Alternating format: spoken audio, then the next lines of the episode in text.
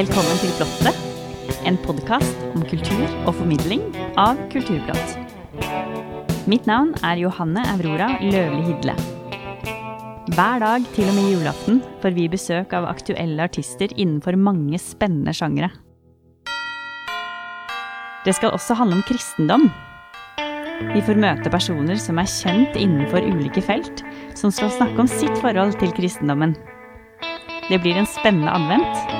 Vi kjører i gang.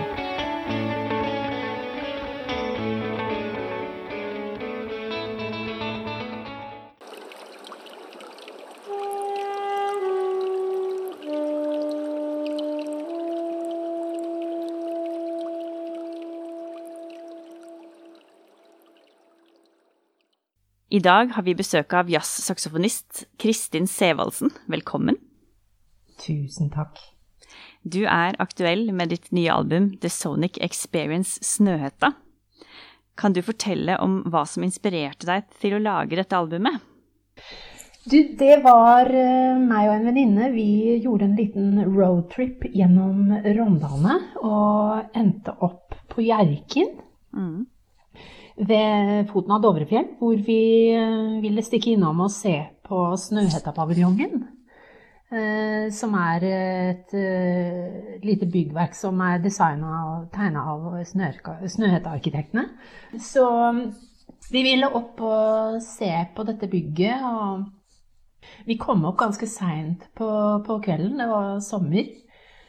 Og uh, blei bare slått av utsynet, altså utsikten fra inne i dette bygget, da. Eh, og ble, vi blei liggende på hver på plass i den. For der er jo en svær benk, eh, helt sånn organisk forma benk, inni dette bygget. Så vi satt og lå der gjennom hele natta, fyrte på peisen og så på naturen og lyset og været som endra seg da gjennom hele, hele natta.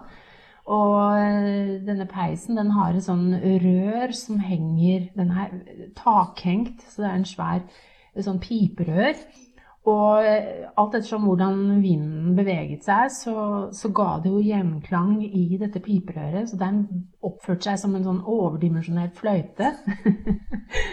så, og jeg er jo lydgeek, så jeg responderer jo på alt som har med lyd å gjøre. Så jeg ble så inspirert og tenkte at jeg må lage musikk av dette. Mm. Og, eh, så da gikk det noen år før jeg, før jeg kom skikkelig i gang med selve albumet. Men jeg gjorde en del etyder og testa ut litt forskjellige ting. Og, og, jeg måtte jo også ta en videreutdanning på Musikkhøgskolen for å klare å komme ut av eh, min eh, vanlige skrive- og komponistform. Da. For at her var det et lydbilde som jeg, jeg hørte og, og, hadde en idé på, men jeg, jeg, klarte ikke å komme inn i det før jeg hadde fått noen nye verktøy. Så, så der starta det. Ja, så spennende. Mm. Hvordan er det du har gått fram for å spille inn musikken? Du, det er Jeg har gjort flere besøk opp til Snøhetta-området der. Både paviljongen og, og, Tverrfjellet hvor paviljongen ligger, men også opp til uh, Snøhetta, selve fjelltoppen. Mm. Og jeg har vandra rundt med en uh, handrecorder og tatt, gjort field, uh, field recordings, altså feltopptak. Mm. Tatt opp lyder fra vegetasjon, at, går, at, vi går, at det er mennesker som snakker, at det er vann, smeltevann. Det er eh, lyden av helikopter, av firehjulinger, av sykler. Altså alt mulig. For jeg tenkte jo når jeg skulle begynne å jobbe med å hente lydopptakene, at jeg skulle inn i stillheten. For det var jo stillhet jeg hadde opplevd gjennom den sommernatta. Mm. Men uh, lydbildet var jo totalt annerledes når jeg kom tilbake, for da var det jo plutselig fullt av turister og busser og alt mulig rart. ikke sant? Så lydbildet var jo fullstendig annerledes. Mm. Så sånn har jeg gått fram. Og det er jo feltopptakene som er på en måte stjerna i arbeidet. Jeg som saksofonist eller sanger har på en måte mer en sånn tilbaketrukket rolle. da, Mer en sånn kommentar og farvelegging og mer en sånn en speiling av en, eh, en menneskelig aktivitet da, i natur. Hmm. Hva håper du lytterne opplever når de hører på albumet? Jeg håper at de For det første så tenker jeg jo at de, de gjenkjenner lydene. Mm. Men det er ikke sikkert de er eh, forberedt på den måten lydene er brukt på, da, og hvordan jeg har eh, satt dem sammen til lydlandskapet. Fordi det, det, jeg har prøvd å gjenskape opplevelsene mine tilbake til lydform, da, sånn at det blir en sånn tilstand. For jeg er jo veldig glad i fjellet. Jeg er veldig glad i å, å gå i fjellet. Og, og, det setter meg inn i en slags tilstand. Da. Og det er den jeg prøver å skape også for lytterne. Mm. At de får en nærmest en ja, kontemplativ, meditativ opplevelse ved å høre på musikken. Mm. I dette albumet så er det, som du sier, naturen som er framtredende.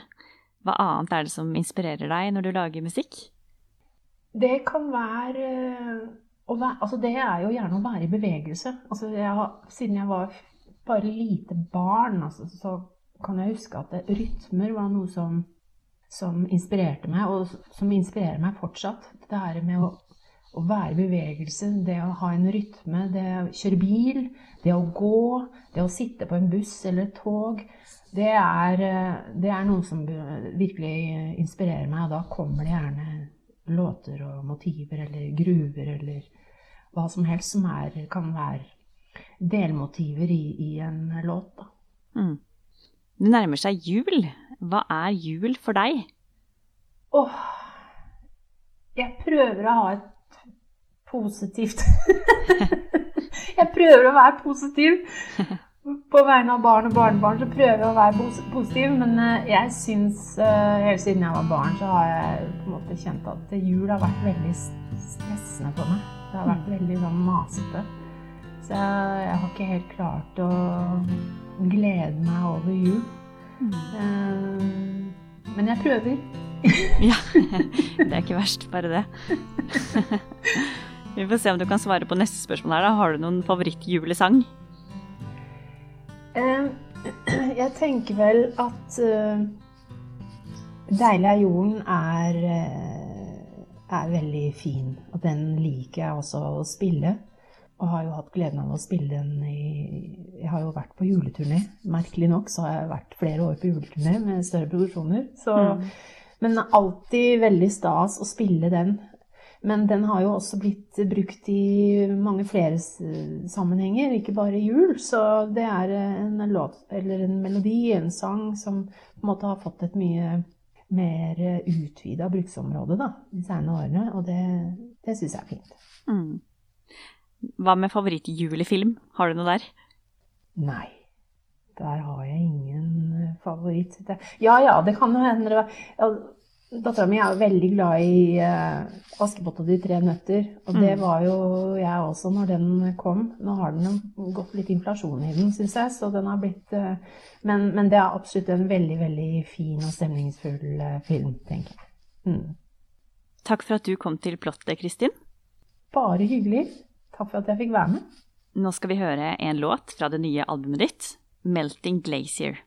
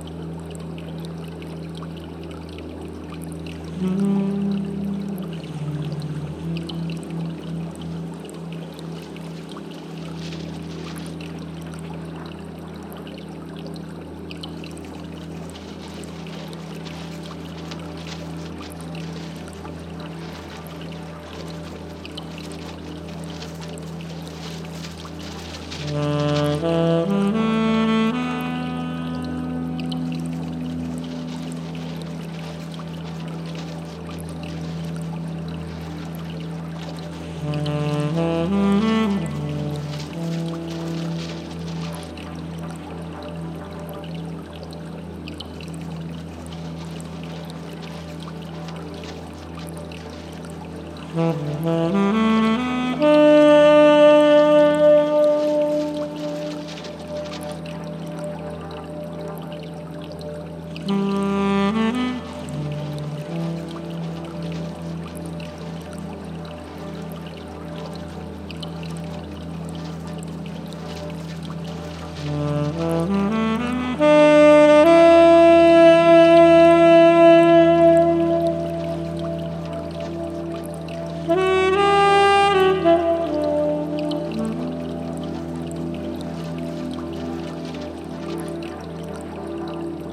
Música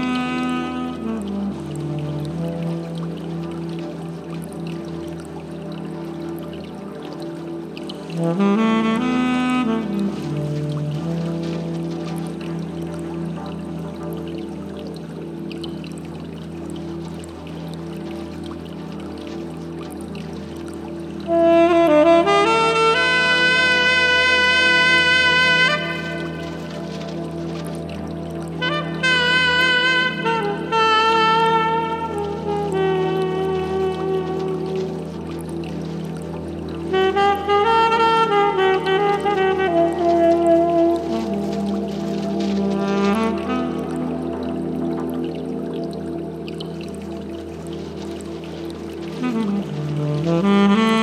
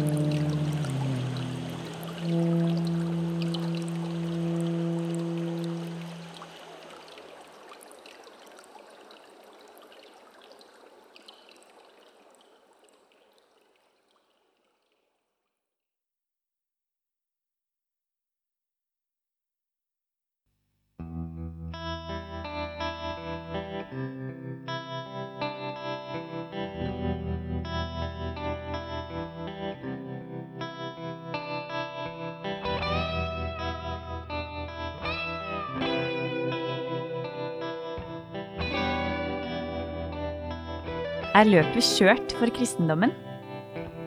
Vi har intervjuet 24 personer som drøfter kristendommens status per i dag denne julen. I dag er det prest og fakultetslektor Girid Gunnes.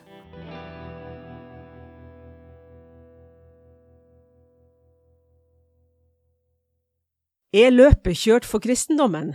er tema for denne podkastserien. Som prest, teolog og førsteamanuensis i diakoni ved en høyskole med kirkelig forankring, så vil man forvente at jeg skulle svare nei. Selvsagt er ikke løpet kjørt for kristendommen. Jeg kunne vist til overraskende stabile medlemstall for kirken i Norge, på tross av store samfunnsendringer. Jeg kunne snakket om eh, kristendommens byggende og humaniserende bidrag til vår kultur, om kunst, kirkebygg og etikk, og hvordan det er umulig å forstå vår egen historie uten kristendommen. Selvsagt både vil og bør denne innflytelsen vedvare, kunne jeg sagt. Men sannheten er at jeg er i tvil. Helt grunnleggende i tvil.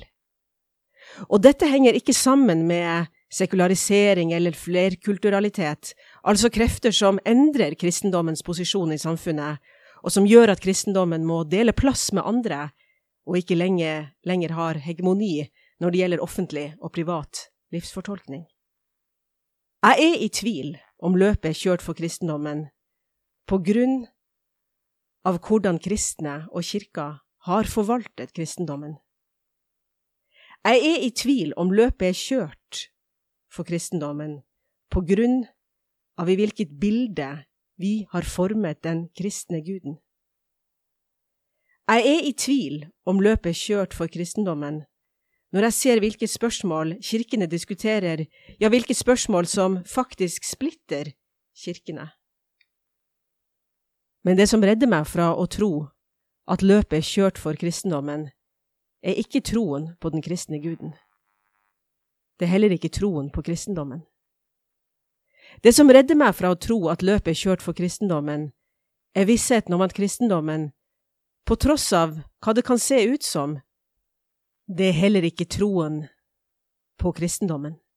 Selv om alle kristendommene hevder å døpe i den treenige Guds navn og be til den samme religionen, så har visse former for kristendom mer til felles med visse former for andre religioner, som islam og jødedom, enn med andre visse former for kristendom.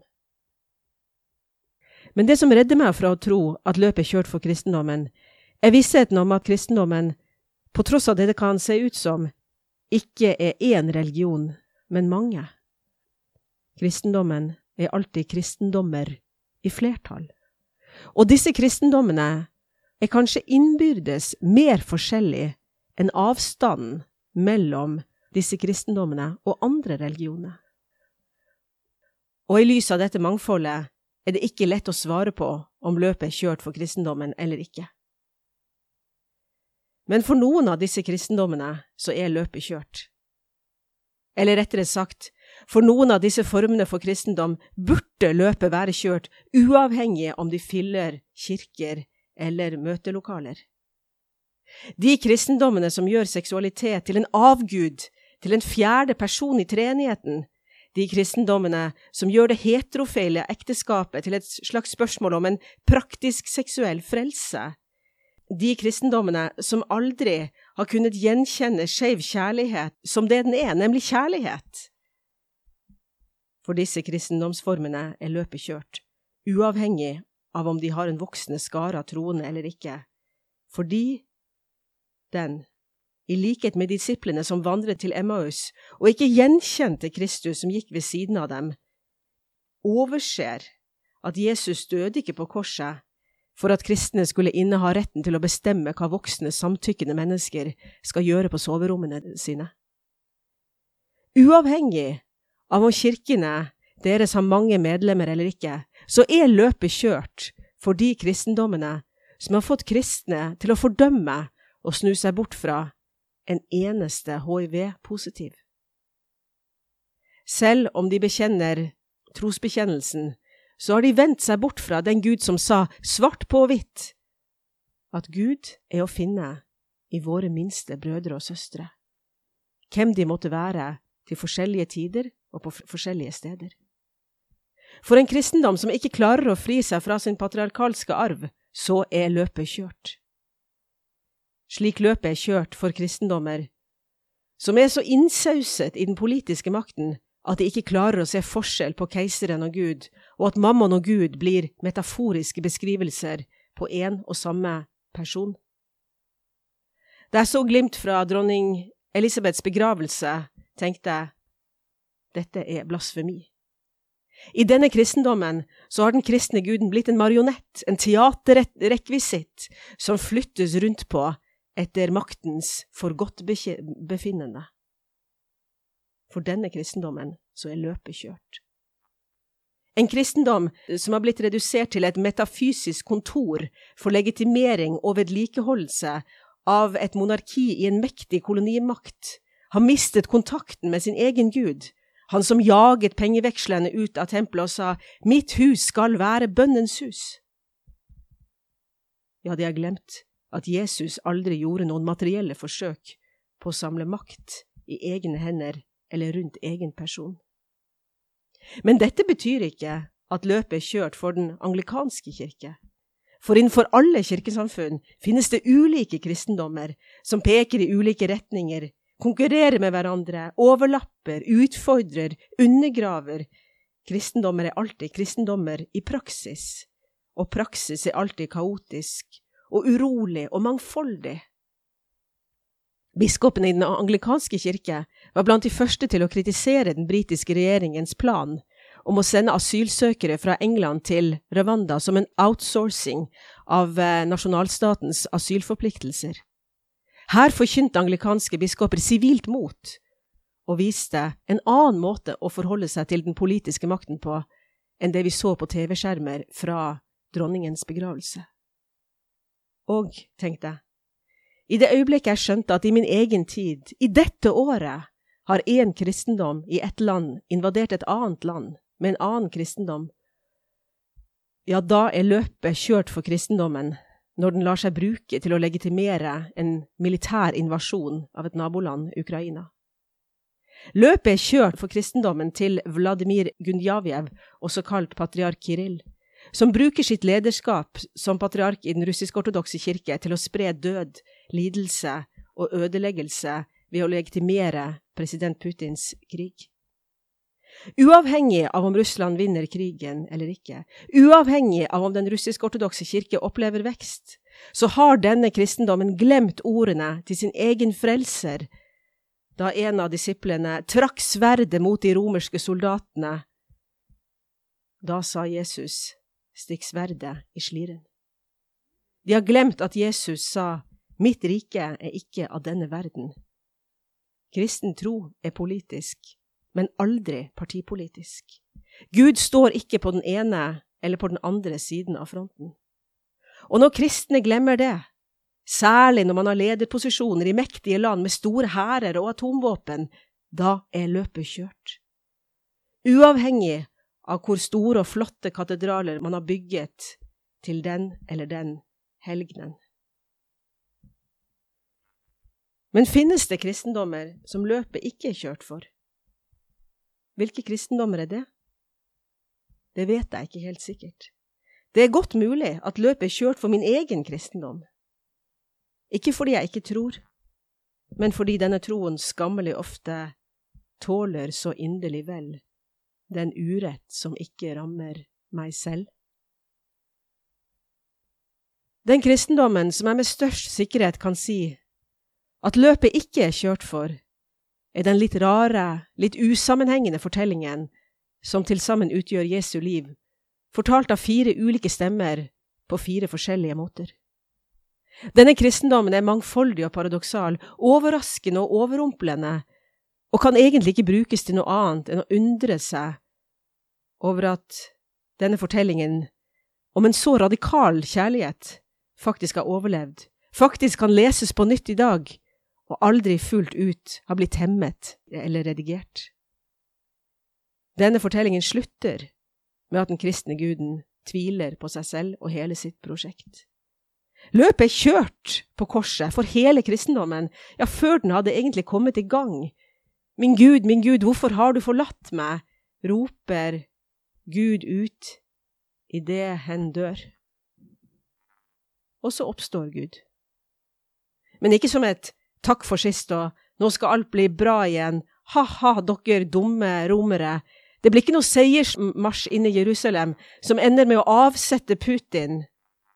Det ender med at Jesus viser seg for, for disiplene på stranden og gir tips om fiskefangst. De lager et lite bål der i strandkanten, hvor de steker fangsten og prater om det som har skjedd. Så forlater Jesus disiplene igjen og lar vennene sine bli igjen i denne verden, alene med minnene og fortellingene, og en ny og hellig ånd mellom dem. Jesus bygget aldri kirker til ære for seg selv eller sin oppstandelse, men forlot disiplene og den kirken som ble bygget i kjølvannet av troen på ham. Og nettopp derfor finnes det kanskje en pust i mange av dagens kristendommer som løpet ikke er kjørt for. Du finner den i Den norske kirke, i frikirkene, i minoritetskirkene, i migrantkirkene og sikkert også i andre gudshus. Løpet er ikke kjørt for de kristendommene som evner å si, enten med ord eller handlinger eller riter, vi tror, men vi eier ikke Gud. Kristus er her, i dåpen og nattverdsbrødet og Bibelen og ritene. Men han er ikke bare her. Han er også andre steder.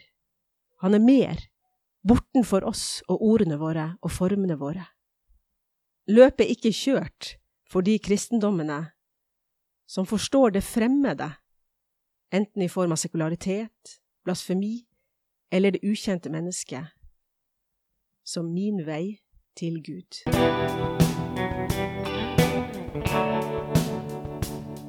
Følg med på alt som skjer i kulturverdenen på kulturplott.no.